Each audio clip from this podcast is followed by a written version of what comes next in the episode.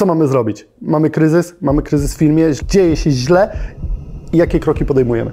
Dziś możesz zwolnić ludzi, ale czy jesteś pewien, że kiedy skończy się ten kryzys, to czy aby na pewno znajdziesz równie dobrych? Ja zachęcam do tego, żeby pomimo kryzysu rozpoczynać działania. Jest taki model w Polsce pod tytułem zasłanianie się i najczęściej taka wymówkoza, taka psychologia. Nie rezygnuj totalnie z działań marketingowych, e, sprzedażowych, dlatego że ścinanie budżetu marketingowego nie sprawi, że Twój biznes będzie lepszy.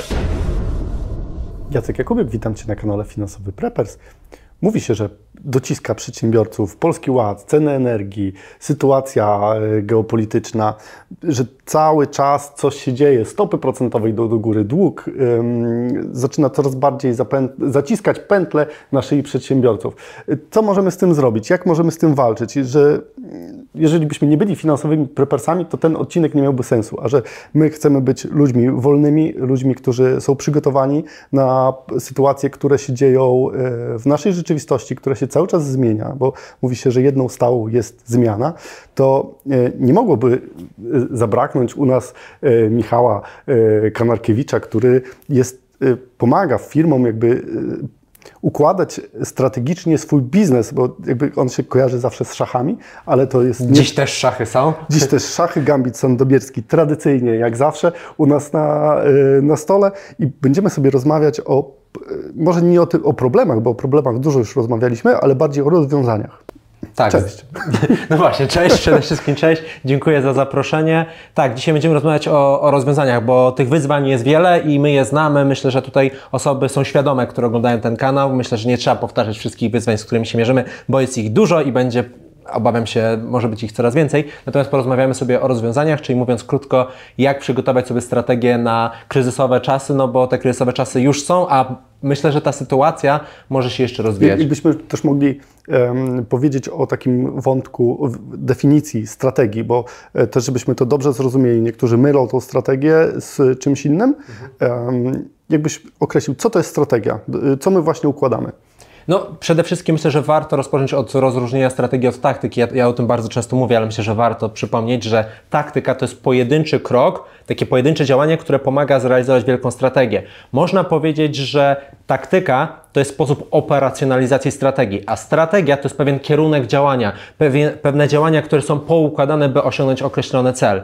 I mm, oczywiście tych definicji strategii jest bardzo, to bardzo wiele, co, co autor to tak naprawdę inna definicja strategii, ale myślę, że to, co jest kluczowe w strategii, to to, żeby na koniec dnia strategia osiągnęła sukces. To znaczy, jeżeli nie ma tego końcowego rezultatu, to tak naprawdę strategia no, zazwyczaj jest e, uważana za taką nieefektywną.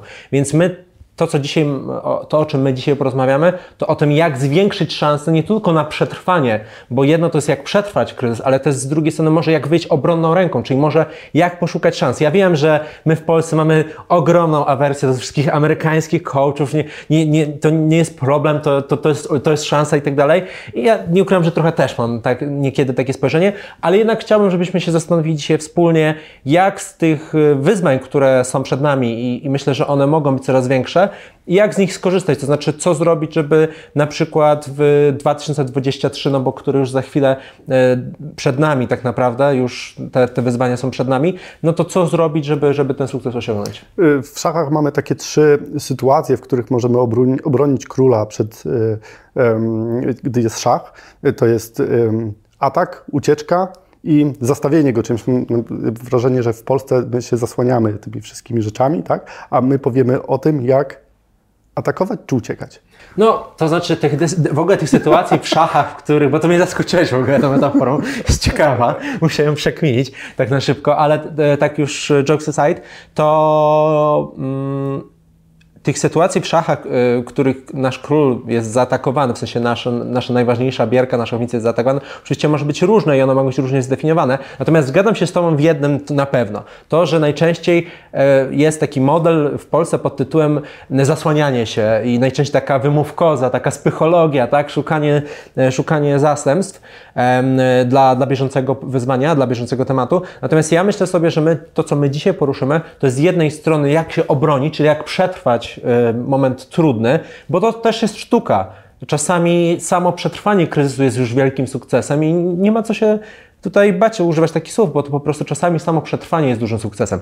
Ale równolegle do tego, co zrobić, żeby spojrzeć też w przyszłość na kilka ruchów do przodu, tak jak szachista. Nie na zasadzie tylko tu i teraz, tak jak większość y, ludzi, no, społeczeństwa myśli tylko o tym, co jest tu i teraz, ale też pomyśleć na przykład, może nie w perspektywie pięciu lat, bo wiesz, to ulubione pytanie rekruterów, które jest często zadawane na, na, na rozmowach rekrutacyjnych typu, gdzie pan, pani widzi siebie za pięć lat, no już jest passé, to już jest nieaktualne, ale na przykład strategia z taką perspektywą roczną czy dwuletnią jak najbardziej ma sens, bo choć jedyną, ty powiedziałeś w zapowiedzi coś takiego, że jedyną pewną jest zmiana, ja bym powiedział, że jedyną rzeczą pewną strategii jest to, że ona się zmieni, więc on, to jest kompatybilne z tym, co ty powiedziałeś. Tak naprawdę my jedyne, co wiemy o strategii, to, że ona się zmieni i Dlatego właśnie też warto się też przygotować na to, że my w 100% nie zrealizujemy naszego planu. Nie ma takiej mocy, żeby w, na przykład dwuletni plan, dwuletnią strategię zrealizować w 100%.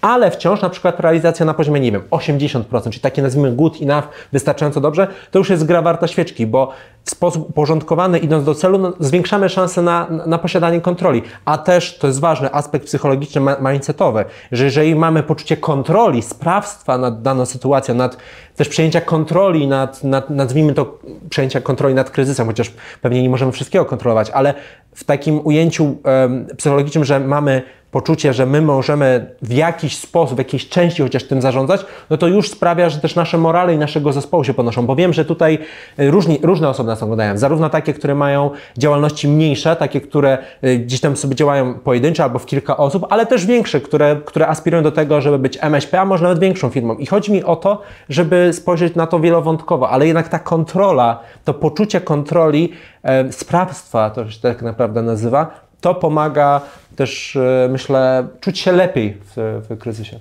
Ja zawsze jak sobie strategię do wszystkich moich spółek układam, to jest w kształcie takiego koła. Zaczyna się od analizy poprzez poszczególne procesy i ona do tej analizy wraca i zatacza takie koło, więc jakby musimy brać pod uwagę, że to się zmienia i cały czas to monitorować. E, a przechodząc w końcu do konkretów, co mamy zrobić? Mamy kryzys, mamy kryzys w firmie, źle się, dzieje się źle jakie kroki podejmujemy?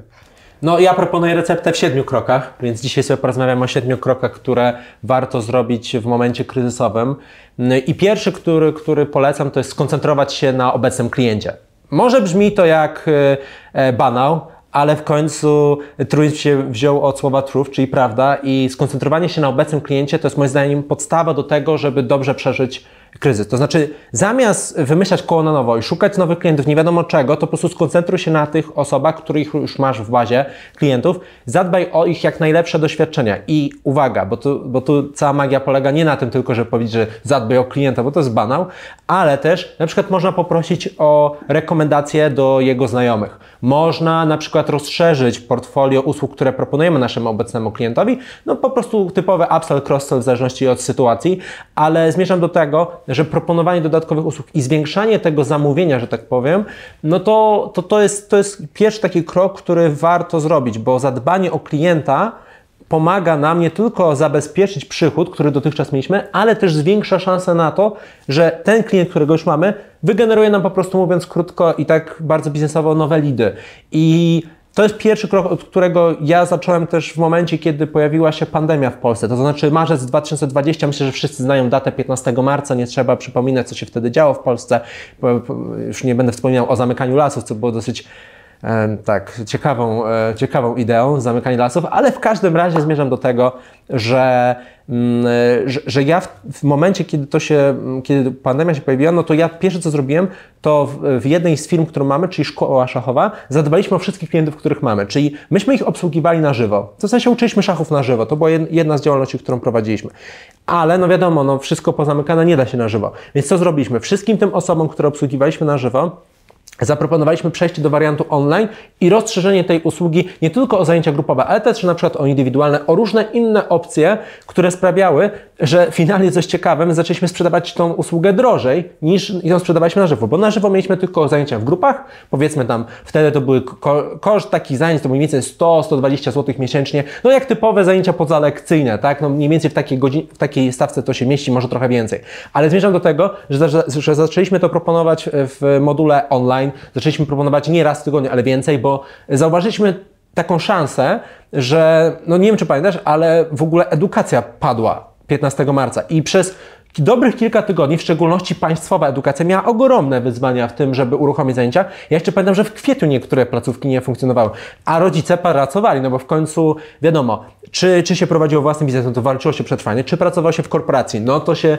trzeba było wykonać obowiązki, no i co zrobić z dziećmi, nie? No bo no coś, jakoś trzeba za, zaopiekować ten temat. Wiesz, miałeś home office, super, nie dojeżdżać do pracy, nie dojeżdżać do pracy, ale z drugiej strony trzeba było się w jakiś sposób e, zaopiekować dziećmi. I my mieliśmy wiele właśnie też dzięki temu nowych klientów, bo nasi starzy klienci, w sensie nazwijmy to sprzed 15 marca, zaczęli nas polecać i ta usługa online, y, to, to było ważne, że stała się wolna od lokalizacji, bo my świadczyliśmy usługi na terenie Trójmiasta.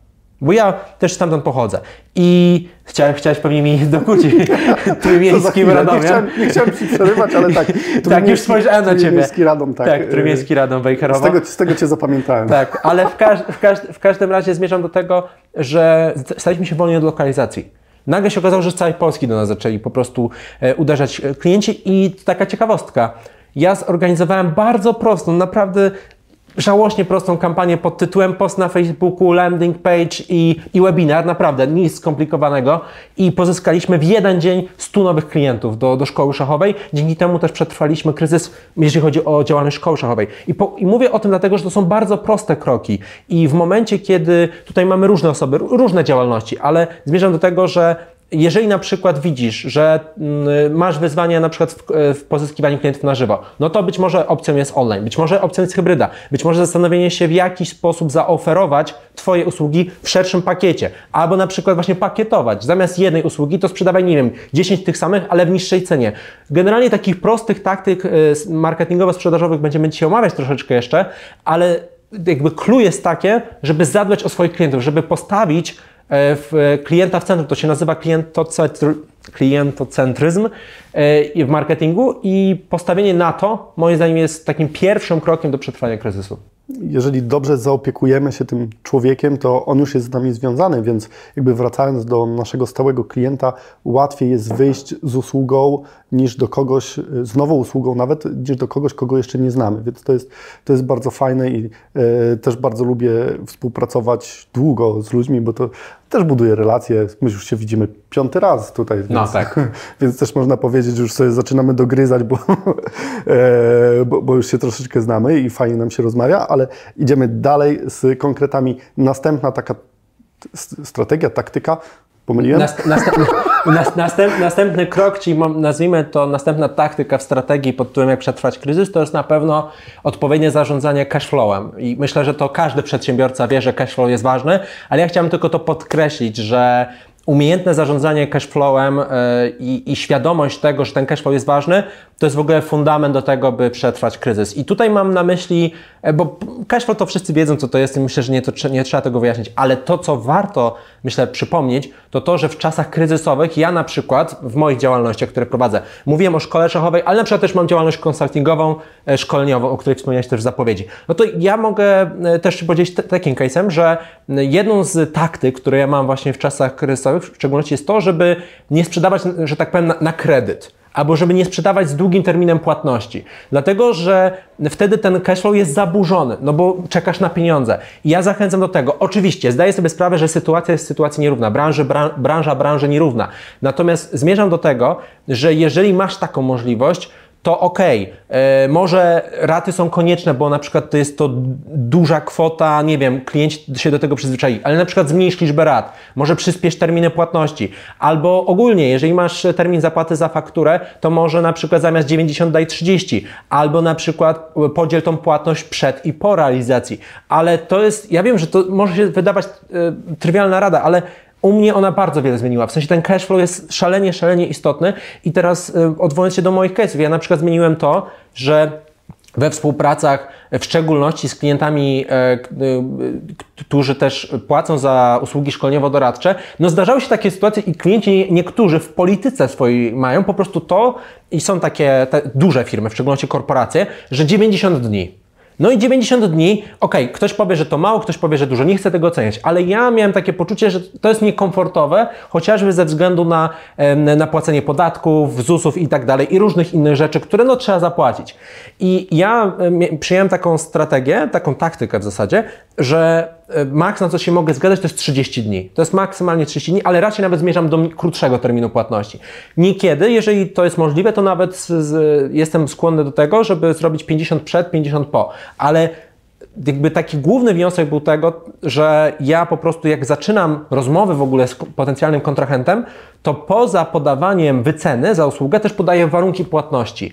I, i znowu, ktoś może powiedzieć, to, to jest mała rzecz, ale ona robi robotę. Jeżeli już od samego początku pokazujesz, na czym Ci zależy, a ten termin płatności jest ważny, no to to jest jak najbardziej e, tutaj e, coś, coś, co można zrobić. Jeszcze podam jedną taką e, mikrotaktykę negocjacyjną.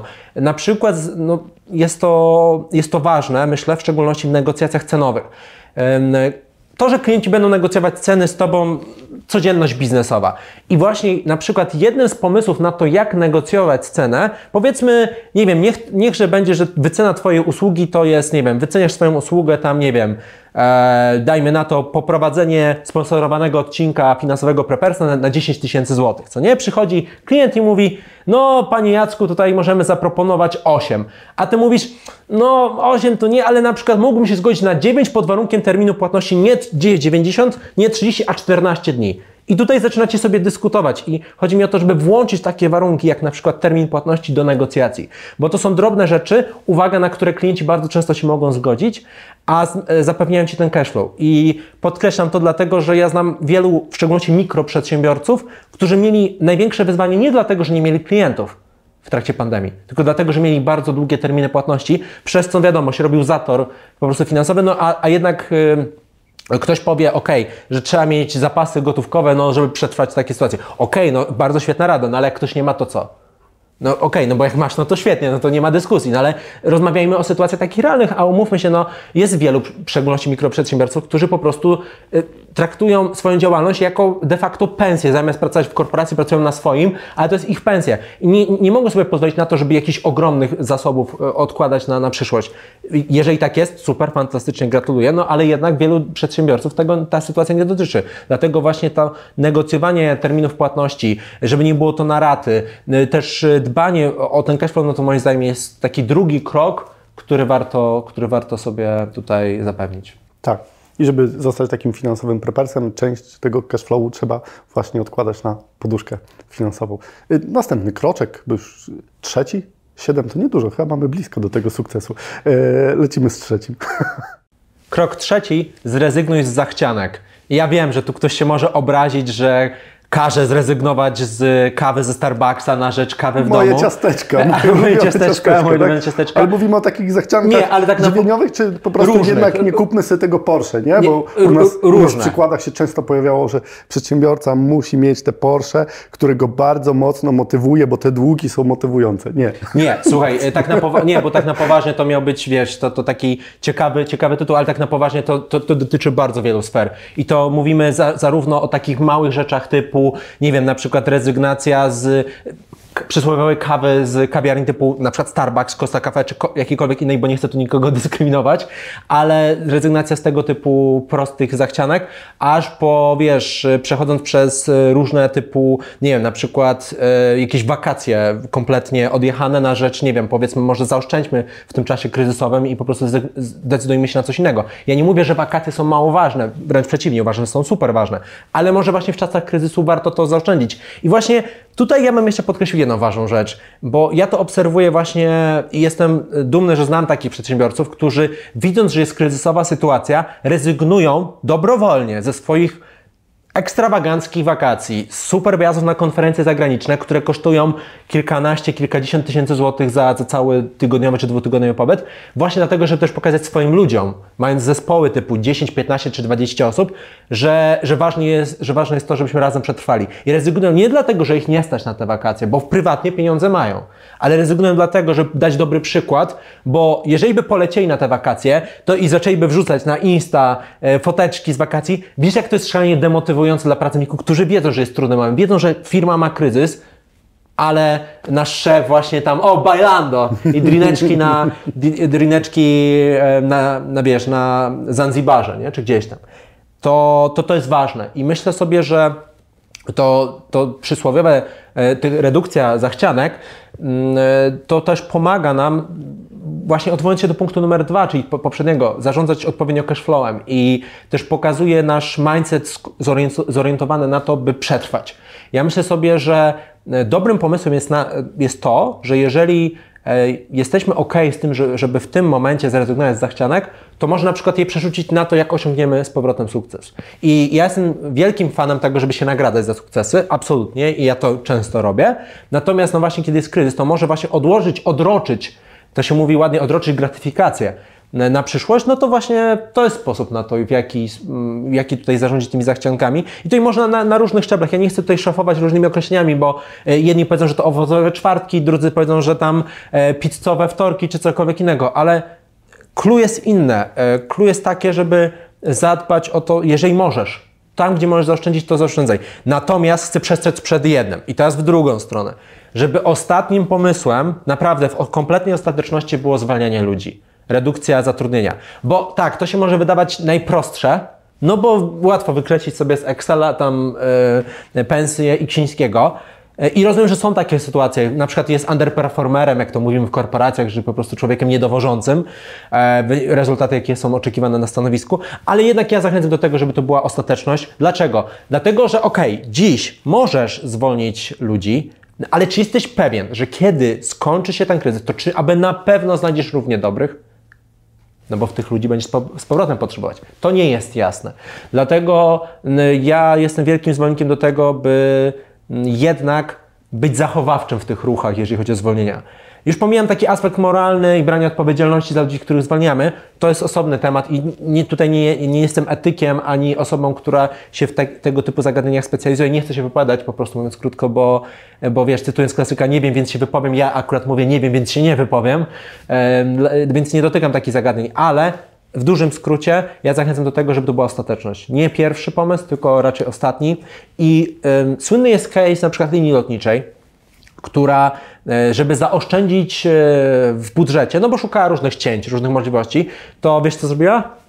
Obniżyła gramaturę papieru w swoich gazetkach pokładowych, bo po pierwsze i tak musieli je, musieli je e, drukować, bo tam są loga partnerów i tak dalej. Po drugie, no ludzie to czytali i kupowali, ale gramatura sprawiła, że po prostu mniej paliwa zużywał, poli, zużywał samolot do, do lotu. I w skali jednego lotu to bez znaczenia, ale w skali iluś set lotów, w zasadzie kilku, kilkuset tysięcy lotów, które są wykonywane, no to, to to robi różnicę. Więc to są takie drobne rzeczy i ja zachęcam do tego, żeby e, na tyle, ile to jest możliwe, właśnie zadbać o tą optymalizację kosztów i e, rezygnować z zachcianych to jest jedno, a drugie to właśnie spojrzeć też na koszty. Tam, gdzie możemy, tam po prostu je obniżyć. Tym punkcie znalazło się bardzo dużo analogii do y, oszczędzania. Ten efekt słynny, słynnego latę. Dużo blogerów się prześciga teraz w artykułach, kto napisze więcej sposobów na oszczędzanie i myślę, że można by było e, otworzyć sobie dowolny artykuł i znaleźć coś dla siebie, co można by było przenieść później do, do firmy. Idąc tymi krokami, już jesteśmy ponad połowa, czwarty punkt. Y, spróbujmy Powiedzmy sobie o tym czwartym punkcie. No może zacznijmy jeszcze od uzupełnienia tego punktu numer 3, bo powiedziałeś o efekcie late, a myślę, że tutaj warto też powiedzieć o subskrypcjach. I takim jednym ze sposobów na to, żeby też te zachcianki, w cudzysłowie, e, sobie też e, nimi lepiej zarządzić, no to między nimi są też subskrypcje, no bo zobacz, że chociażby, no ile my mamy aplikacji w telefonie, z których nie korzystamy, bo kiedyś tam była promocja, że na 30 dni można mieć za darmo, jeżeli tylko podepniesz swoją kartę, to potem przez 30 dni masz za free, ale następnie Twoja karta jest charge'owana. I ja nawet takie ćwiczenie zrobiłem intelektualne w trakcie wakacji e, i, i właśnie jedno to, że wskaźniki pokazywały, że no idziemy w kierunku recesji i że będą wyzwania, a drugie, że po prostu tak dla własnego ćwiczenia intelektualnego i okazało się, wiesz co, że kurczę, że ja po, po tym ćwiczeniu intelektualnym 1000 zł, blisko 1000 zł zaoszczędziłem na, na, na, na różnego rodzaju subskrypcjach, opłatach i tak dalej, bo ja sobie po prostu bardzo proste ćwiczenie. Wziąłem swój wyciąg bankowy, sprawdziłem, ok, no Michale, no masz dużo, dużo aplikacji, z których skorzystałeś raz, bo było w promocji na miesiąc z podpiętą kartą, a potem jej nie wypiąłeś. I nawet dla takiego umysłu analitycznego jak ja, yy, który no, stara się mieć dużo rzeczy pod kontrolą, okazało się, że po prostu mam takich kosztów, yy, miałem takich kosztów, bo teraz już ich nie mam, ale kurczę, tak, to był ważny moment dla mnie, takie ważne obudzenie się. I myślę, że y, to jest takie ćwiczenie, które każdy z nas może wykonać w swoim domowym zaciszu z wyciągiem mangami. Oczywiście być fair wobec siebie, no bo takich e, aplikacji to się trochę znajdzie, których, y, które kiedyś tam sobie napoczęliśmy um, subskrypcja, a z nich nie korzystamy. To, co też, też jest ważne moim zdaniem, to na przykład subskrypcje streamingowe. I tutaj mam na myśli Disney, Netflix, player, nie player, tego jest bardzo dużo. Pytanie, czy z tego wszystkiego korzystasz? No bo ja miałem tego posubskrybowanego bardzo wiele, a tak naprawdę de facto to korzystałem z jednej aplikacji. I ja mam takie poczucie, że to, co jest ważne, to to, żeby właśnie wziąć pod uwagę, że my możemy nie, może jest tak, że nie wszystko kontrolujemy i dać sobie na to przyzwolenie i wziąć po prostu kartkę, najzwyczajniej w świecie kartkę, obok e, położyć e, wydrukowany wyciąg, bankowy i co? I po prostu sprawdzić, czy tam przypadkiem nie ma jakichś ukrytych kosztów, bo to nas prowadzi właśnie do tego, żeby oszczędzać na takich prostych rzeczach. W poprzednim punkcie rozmawialiśmy tam sobie o, o, o latę, tak, efekcie lata, o którym wspomniałeś, ale to mogą być też inne rzeczy. Mnie zależy na tym, żeby właśnie takie rzeczy wyłapywać i możliwie nimi jak najlepiej zarządzać. A teraz przechodząc już do punktu numer 4, czyli też dywersyfikacji przychodów, mówiąc krótko, no to ja zachęcam do tego i to, to jest taki czwarty krok, który bardzo pomaga e, w przetrwaniu kryzysu, w tym, żeby wyjść z niego wzmocnionym, to, to jest właśnie ta wiedza i też odwaga niekiedy, do tego, żeby zdywersyfikować swoją, swoją no, działalność po prostu. Bo okej, okay, ja sobie zdaję sprawę, że są przedsiębiorcy, którzy działają na jednym polu i, i, i starcza im po prostu od pierwszego do pierwszego i to jest zupełnie okej. Okay. No ale domyślam się, że jeżeli ktoś ogląda finansowego prepersu, no to raczej ma trochę większe aspiracje I ja też nie chcę porównać, czy to jest lepsze, czy gorsze, po prostu inne. Natomiast no, myślę, że finansowi preppers, no to finansowy preppers chce być lepiej przygotowany do, na przyszłość i ta dywersyfikacja jest bardzo potrzebna. I tutaj nie chodzi mi o to, żeby nagle teraz rzucać to, co robisz i rozpoczynać, wiesz, wyjechać w Bieszczady i rozpoczynać nowy biznes. Niekoniecznie, bo to może oznaczać na przykład dywersyfikację w ramach Twojej działalności. I tutaj już począwszy od takiego klasyku, tak, który wszyscy znamy od, od wybuchu pandemii, czyli przejścia do świata online, przez takie działania typu hybrydowe, czyli łączenie świata na żywo i online, ale aż nawet kończy, kończąc na takich y, działaniach typu znajdywanie swojej niszy albo stworzenie jakiegoś nowego produktu, z nowej usługi, która nieco rozszerzy portfolio proponowanych przez nas usług. Ja na przykład coś takiego zrobiłem w swojej działalności historycznie, bo zaczynałem od szkoły szachowej i w szkole szachowej zaczynaliśmy od tego, że ja uczyłem dzieci gry w szachy, moich znajomych. E, indywidualny. Potem za zacząłem uczyć grupowo, no bo była taka potrzeba, no i wtedy wiadomo, że jak uczysz grupowo, to masz wyższą stawkę godzinową. Następnie utworzyłem zespół trenerów szachowych, którzy też pracowali na rzecz, na rzecz marki, e, którą, którą ja tworzyłem od samego początku. Potem e, poznałem też różnych znajomych ze świata biznesu i mi powiedzieli, słuchaj Michał, szachy mocno się kojarzą z biznesem, to może po prostu też zaimplementować szachy w biznesie. No i tak powstała firma szkoleniowo-doradcza. Na początku były to po prostu wykłady typu inspiracyjne o tym, jak szachy przekładać do świata biznesu. Wraz z moim rozwojem powstała, y, powstał consulting, czyli ja po prostu zacząłem zdobywać wiedzę. Nie tylko jak szachy pomagają, ale też ogólnie jak szachy wpisać w szerszy kontekst zarządzania. Bo to, że szachy, super, fajna metafora, ale no to jak mam są pewne ograniczenia w tej metaforze. Natomiast y, na przykład wiedza z zakresu zarządzania strategicznego, no to to już jest twarda wiedza z zarządzania i zacząłem wpisywać po prostu szachy w tą wiedzę. Potem zacząłem robić, y, nie tylko miałem wystąpienia inspiracyjne dla kilku, kilkunastu osób, czasami do stu. Nie tylko warsztaty, ale zacząłem robić wystąpienia na dużo, na przykład na 5 tysięcy e, ludzi i takie też wystąpienia miałem, na przykład w hali stulecia we Wrocławiu. E, następnie, krok dalej, zacząłem też konsultować różne projekty strategiczne, czyli na przykład były firmy, które potrzebowały zewnętrznego spojrzenia eksperta na to, w jaki sposób ich strategia jest budowana. Aż dziś doszedłem do punktu, gdzie robię kompleksowe realizacje od począwszy od w ogóle idei budowania strategii od zera, aż po jej wdrożenie i komunikowanie do pracowników. I zmierzam do tego, że to powstało całe portfolio różnych usług na różnych etapach, one były dywersyfikowane. To nie było tak, że one były od początku, ale ja zmierzam do tego, że to, co jest ważne moim zdaniem jako bycie, byciu przedsiębiorcą, a ja też nim jestem, to, to żeby cały czas update'ować to, co robimy, że, żeby sprawdzić, czy na pewno to, co robimy jest potrzebne na, na rynku, to jest w ogóle pierwszy test. Drugi test, na ile ludzie są w stanie i są skłonni wciąż płacić te pieniądze lub większe za to, co robimy. No i trzecie, trzecie, trzecia rzecz, która jest ważna, czy przypadkiem nie jest tak, że konkurencja może łatwo skopiować to, co my robimy. Bo na przykład to, jest to w ogóle wyróżnia moją działalność. Ona jest bardzo trudna do skopiowania. Ze względu na to, że w mojej działalności konsultingowo-doradczej e, ten aspekt szachowy no trzeba już na jakimś poziomie grać w szachy, trzeba pewne kompetencje mieć szachowe. Ja od dziecka gram w szach.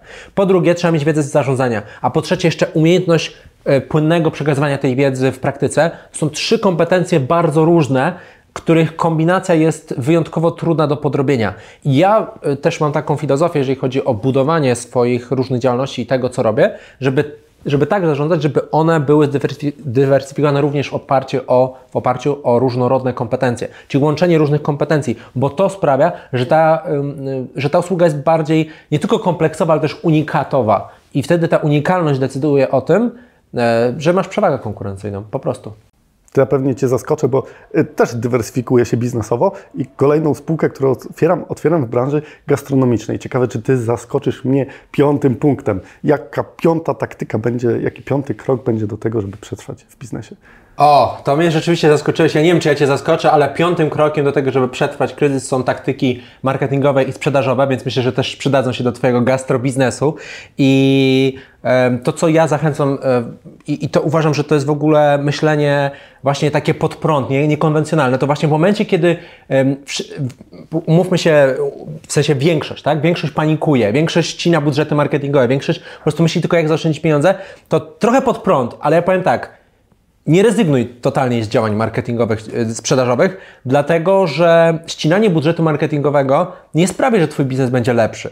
Tylko może, bo to jest ważne, jaka jest alternatywa? Może trochę bardziej efektywnie, w inny sposób spójrz na marketing. Bo to, jeżeli na przykład dotychczas inwestowałeś, inwestowałeś w działania typu na przykład tradycyjne media, nie wiem, pakowaliście pieniądze w Facebook Adsy, i inne tego typu działania, no to one może faktycznie nie były aż tak efektywne, jak oczekiwaliście, a w szczególności w czasach kryzysu nie, niekoniecznie to oznacza, że one będą efektywne. Ale spójrzmy na przykład na coś, co jest mniej oczywistego.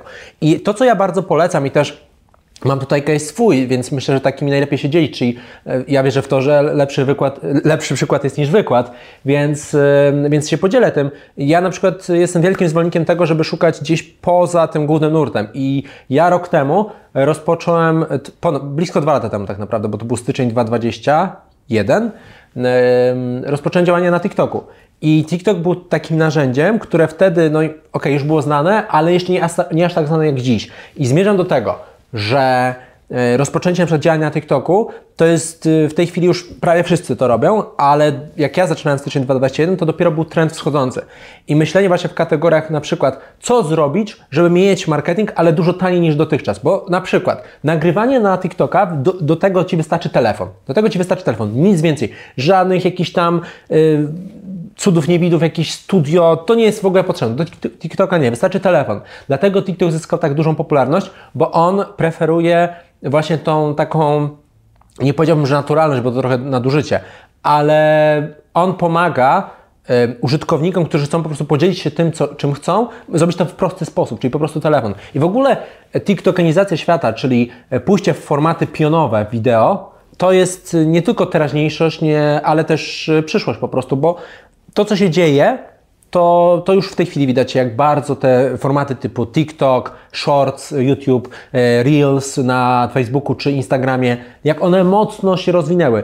I ja zachęcam do tego właśnie, żeby w ten sposób spojrzeć, czyli nie rezygnować, tylko spojrzeć, gdzie inaczej możemy ulokować. Albo na przykład można też się zastanowić... A czym to się różni od y, takiej strategii błękitnego oceanu? Bo y, tu mówimy o szukaniu takich rozwiązań, w których jeszcze na przykład nie ma konkurencji, jest, jest coś jeszcze świeże. Czy, czy dobrze to rozumiem? Czy... Strategia błękitnego oceanu to troszeczkę inne działanie, bo jednak o TikToku to dużo osób usłyszało. Mnie bardziej chodzi o to w, w taktykach e, marketingowych i sprzedażowych, żeby nie rezygnować z tych działań, tylko po prostu skupić się na tych, które albo są bezpłatne, albo w których po prostu ten ROI, czyli wzrost inwestycji jest po prostu wyższy. I na przykład na TikToku to Ci powie praktycznie każdy, niemal każdy ekspert od marketingu, który w tym siedzi, że TikTok jest najlepszą platformą do inwestowania pieniędzy. Po prostu jest to najtańsze. Najtańsze są kliki e, do, do zainwestowanych pieniędzy. I ja mówiąc o TikToku, ale też mając na myśli inne działania, bo mi chodzi o to na przykład, że jeżeli dotychczas realizowałeś kampanię powiedzmy, nie wiem, w lokalnych mediach, bo to było dla Ciebie ważne, dla Twojej firmy, to być może właśnie przejść na TikToka albo zainwestowanie w adsy, ale no nie wiem, chociażby na LinkedInie, chociaż warto wspomnieć o tym, że na LinkedInie te adsy są dosyć drogie, za to bardzo dobrze sprofilowane.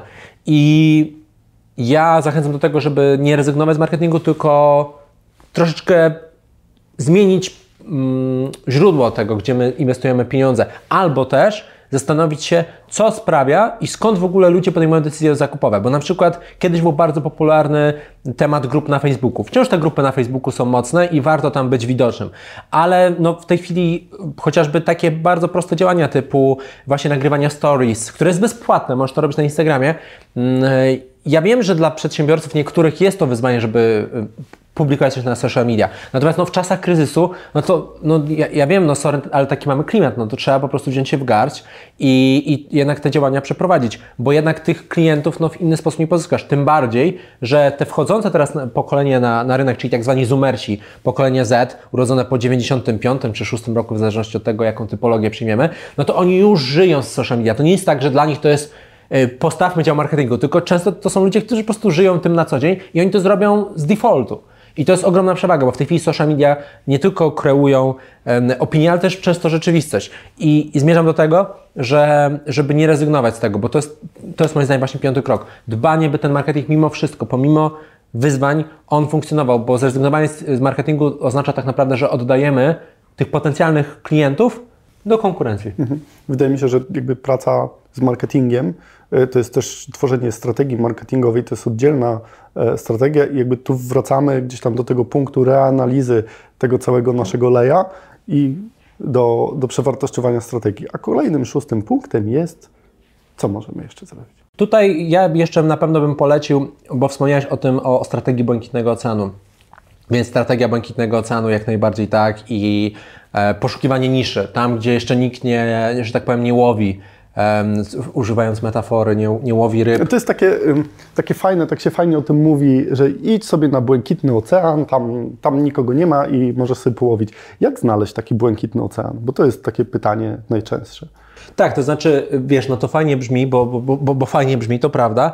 Natomiast to, co myślę jest często pomijane, w, jeżeli chodzi o rozmowę o Błękitnym Oceanie, to właśnie to, tak jak wspomniałeś, jak, jak znaleźć ten Błękitny Ocean. I często, bo, bo inaczej, samo Błękitny Ocean sprawia, że ludzie zaczynają myśleć o jakichś wielkich ideach, które, które no, zmienią świat. A to niekoniecznie musi to oznaczać, bo to na przykład wystarczy znaleźć sobie e, dwie, dwie branże, w których wydaje Ci się, na styku których możesz dostarczyć większą wartość. I przykładowo, ja tak zrobiłem e, z moją firmą. To znaczy, wiedziałem, że jest, e, wiedziałem, że jest branża nauki gry w szachy, wiedziałem, że jest branża edukacji. I teraz na styku tych dwóch powstał taki twór jak edukacja szachowa.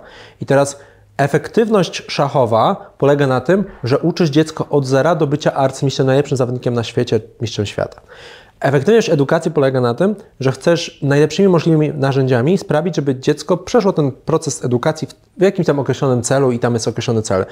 Ministerstwo ma inny cel, rodzice mają inny cel, dziecko jeszcze ma inny cel. Ważne, żeby szkoła nie przeszkadzała w nauce. Tak, w każdym razie zmierzam do tego, że to, co ja zrobiłem, to połączyłem te dwa światy. To znaczy, yy, z jednej strony wziąłem z szachów to, co najlepsze, czyli to, że pomagają w nauce strategicznego myślenia, w yy, przewidywaniu ruchów yy, konkurencji i przewidywaniu też konsekwencji własnych decyzji i tak dalej, jednocześnie z edukacją, czyli tymi najlepszymi e, elementami z edukacji, typu e, ten trend edutainment, czyli łączenia edukacji z zabawą, e, też by edukacja była przyjemna, żeby edukacja służyła wyższemu celowi, czyli rozwojowi dziecka, ale generalnemu rozwojowi, nie tylko szachowemu. I ja... dlatego masz szachy, gdzie jest poczet królów tak, polskich. Poczet tak, królów polskich, z którego można się też nauczyć właśnie, jakich mieliśmy królów historycznie, ale właśnie do tego zmierzam, że to jest często na styku dwóch dziedzin, one się łączą i gdzieś tam na styku tego może powstać i błękitny ocean. Bo szkół szachowych jest wiele w, e, w Polsce. Jest też wiele podmiotów zajmujących się edukacją, ale edukacją szachową, która wykorzystuje elementy jednego i drugiego, takich podmiotów nie było. Ja tak naprawdę byłem jedną z pierwszych, a na pewno byłem liderem w swojej branży, który mówił o tym, by wykorzystywać szachy jako narzędzie do rozwoju, nie jako samo w sobie grę tylko jako narzędzie do rozwoju. I to był ten błękitny ocean, który ja stworzyłem. I z tego powstała cała filozofia uczenia gry w szachy. Oczywiście teraz jest więcej tych osób. Czy przede mną były osoby, które pisały tę publikacje naukowe? Tak, ale nikt nie robił tego na dużą skalę. Były osoby, które, nie wiem, w jakiś sposób się tym interesowały, czasami wypowiadały na ten temat, ale nie zrobili konkretnych kroków. Ja na przykład byłem pierwszą osobą, która wyszła na szeroką skalę do tak zwanych blogerów parentingowych. Czyli ja uderzyłem do największych blogerów w Polsce i powiedziałem, hej, zaproponuję na przykład fajną lekcję szachu dla Twojego dziecka plus książkę plus coś ciekawego zrobił na Twojego bloga, w zamian za to, żebym na przykład ja był pokazany na, w Twojej społeczności. Ja dzięki temu zdobywałem bardzo szybko dużą popularność, bo, tą, e, bo, bo, bo gdzieś tam był styk edukacji i szachów. W ten sposób często powstaje błękitny ocean, na styku dwóch dziedzin. Tylko potrzebujesz sobie właśnie wybrać te elementy, które chcesz z tych dwóch dziedzin wybrać. Tak, między innymi może, oczywiście jest to jedna z koncepcji powstania błękitnego oceanu, bo są też inne, które, e, no wiesz, no nie wiem, chociażby e, Southwest, Southwest Airlines, e, ten słynny case, gdzie linie lotnicze po prostu, one w Stan, generalnie w Stanach odniosły tak duży sukces, dlatego, że zredukowały praktycznie wszelkie niepotrzebne koszty, zbędne koszty w funkcjonowaniu linii lotniczych i stały się tanim przewoźnikiem od miasta do miasta, ale nie były na przykład mm, e, takim mm, przewoźnikiem hubowym, czyli nie łączyły różnych, e, różnych tras. Też redukowano koszty obsługi klienta itd. Tak itd. Tak Zmierzam do tego, że znajdywanie e, strategii tego błękitnego oceanu to nie jest jakieś rocket science pod tytułem, że to jest niemożliwe, tylko to jest właśnie szukanie gdzieś tam na styku różnych, e, na przykład dwóch branż i znajdywanie tych najlepszych punktów dla siebie. Przypomina mi się wywiad z Łukaszem Kaletą, z którym na przedanteniu rozmawialiśmy, że e, zauważył w branży chlebowej, że dużo pieczywa zostaje, a z drugiej strony zauważył potencjał, że z tych resztek można zrobić taką kombuczę i, i, chyba startuje z biznesem chlebuczy czy coś takiego i, i będzie przerabiał e, stary chleb na, na kombuczę. E, dosyć ciekawe, a ostatni punkt chyba już mamy, ostatni kroczek. E, co jeszcze? Co jeszcze możemy no zrobić? Ja, ja zachęcam do tego, żeby pomimo kryzysu rozpoczynać działania. To znaczy, żeby nie czekać, aż ktoś za Ciebie wykona robotę, aż ktoś Ci przyniesie przysłowiowego złotego grala i, i zrobi za Ciebie robotę. To tak nie działa. To wiemy i, na, i z doświadczenia, i z badań, i, i ogólnie z życia, że tak powiem. Ja zachęcam do tego, że nawet jeżeli jest wymagająco, to zastanowić się właśnie, które działania moglibyśmy podjąć nowe i na przykład skupić się na tych, które są niskobudżetowe. Ja jestem w ogóle wielkim zwolennikiem tego, by przyjmować taką strategię sprzedaży, że najpierw coś sprzedajesz, dopiero potem to produkujesz. Jeżeli to jest możliwe, w szczególności w beta testach, no to to można zrobić. I ja na przykład tak robiłem z moją książką że moja pierwsza książka i w ogóle kolejne też kilka było sprzedawane w modelu takim, że ja najpierw ją sprzedawałem, czyli był landing, oferta książki i, i jej sprzedaż, czyli promocja całej książki, a dopiero potem ona była tak naprawdę produkowana, żeby nie tworzyć sobie kosztów. I um, wiem, że tak niektórzy przedsiębiorcy robią. Ja zachęcam do tego właśnie, żeby pomimo kryzysu jednak podjąć tą próbę wychodzenia z inicjatywą, bo uważam, że proaktywne osoby wychodzące z inicjatywą może nie bezpośrednio zostaną za to wynagrodzone, bo, bo na przykład okaże się, że produkt lub usługa była niepotrzebna, może tak być, ale właśnie do tego są te alfa testy czy beta testy, żeby to zweryfikować. Natomiast to, to co na pewno się wydarzy, to tak, zwa, tak, tak zwane, e, czyli e, taka energia się pojawia też moim zdaniem w momencie, kiedy działamy, kiedy podejmujemy proaktywne działanie, że nawet jeżeli coś nam w tym momencie nie wyjdzie, to pojawią się inne okoliczności, inne energie, które inne, inne wydarzenia, często osoby w naszym życiu, które właśnie pojawiają się dlatego, że my wykonaliśmy pierwszy krok. Bo jeżeli nie wykonujemy pierwszego kroku, jeżeli nie wykonujemy tego pierwszego działania, no to trudno oczekiwać, że świat za nas go wykona. Widziałem firmę, która y, zaczęła sprzedawać y, swoje urządzenia, y, mając sam model matematyczny, tylko że to okazało się, że źle coś policzyli, to im nie wyszło, a y, później był problem z oddawaniem pieniędzy. Y, na koniec odcinka mamy taką tradycję, że każdy z naszych gości ma taką złotą myśl dla naszych finansowych prepersów. Kamera jest Twoja. Skoncentruj się na obecnych klientach, bo to paliwo Twojego biznesu. Ja jestem ciekawy, jakie Wy macie pomysły, rozwiązania, które byście wdrożyli do swojego biznesu, żeby poradzić sobie w kryzysowej sytuacji. Napiszcie koniecznie w komentarzu. I dziękuję Wam bardzo za dziś. Cześć.